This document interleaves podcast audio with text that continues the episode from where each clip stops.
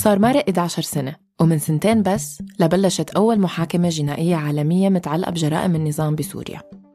ورغم الوقت الطويل إلا أنه هالمحاكمة وكل شي نتج عنها كانت بداية لكل المحاكمات يلي بلشت ورح تبلش من بعدها. نحن بحاجة نفكر بشو هي العدالة لسوريا شو هي المحاسبة شو يعني التعويض شو شكل هذا التعويض؟ طبعا هي المحاكمات مهمة جدا لتبيان العدالة. نتمنى أن لا تكون هذه المحاكم هي عبارة عن بروباغندا إعلامية فقط.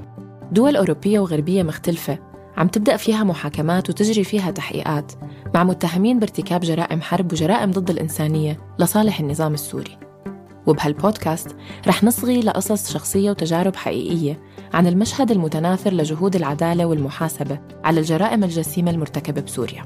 أنا كسورية مقيمة داخل سوريا. العدالة بتعني إلي التوازن والإنصاف والمساواة جميع أمام سلطة قضائية مستقلة. المحاكمات اللي عم تصير بحق المجرمين اللي عملوا مجازر بحق الشعب السوري الأعزل بأوروبا تعتبر غير كافية. هي خطوة بسيطة لأنهم هدول مجرمين حرب صغار قدام مجرمين الحرب الكبار.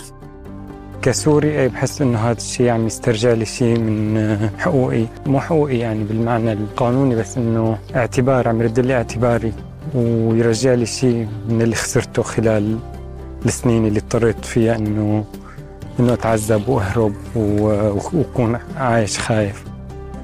أنا كريستينا كغدو ورح رافقكم بحلقات قيد المحاكمة اللي رح نحاول نفهم فيه ألغاز التحقيقات وأسرار المحاكمات القضائية. الماضية الجارية والقادمة.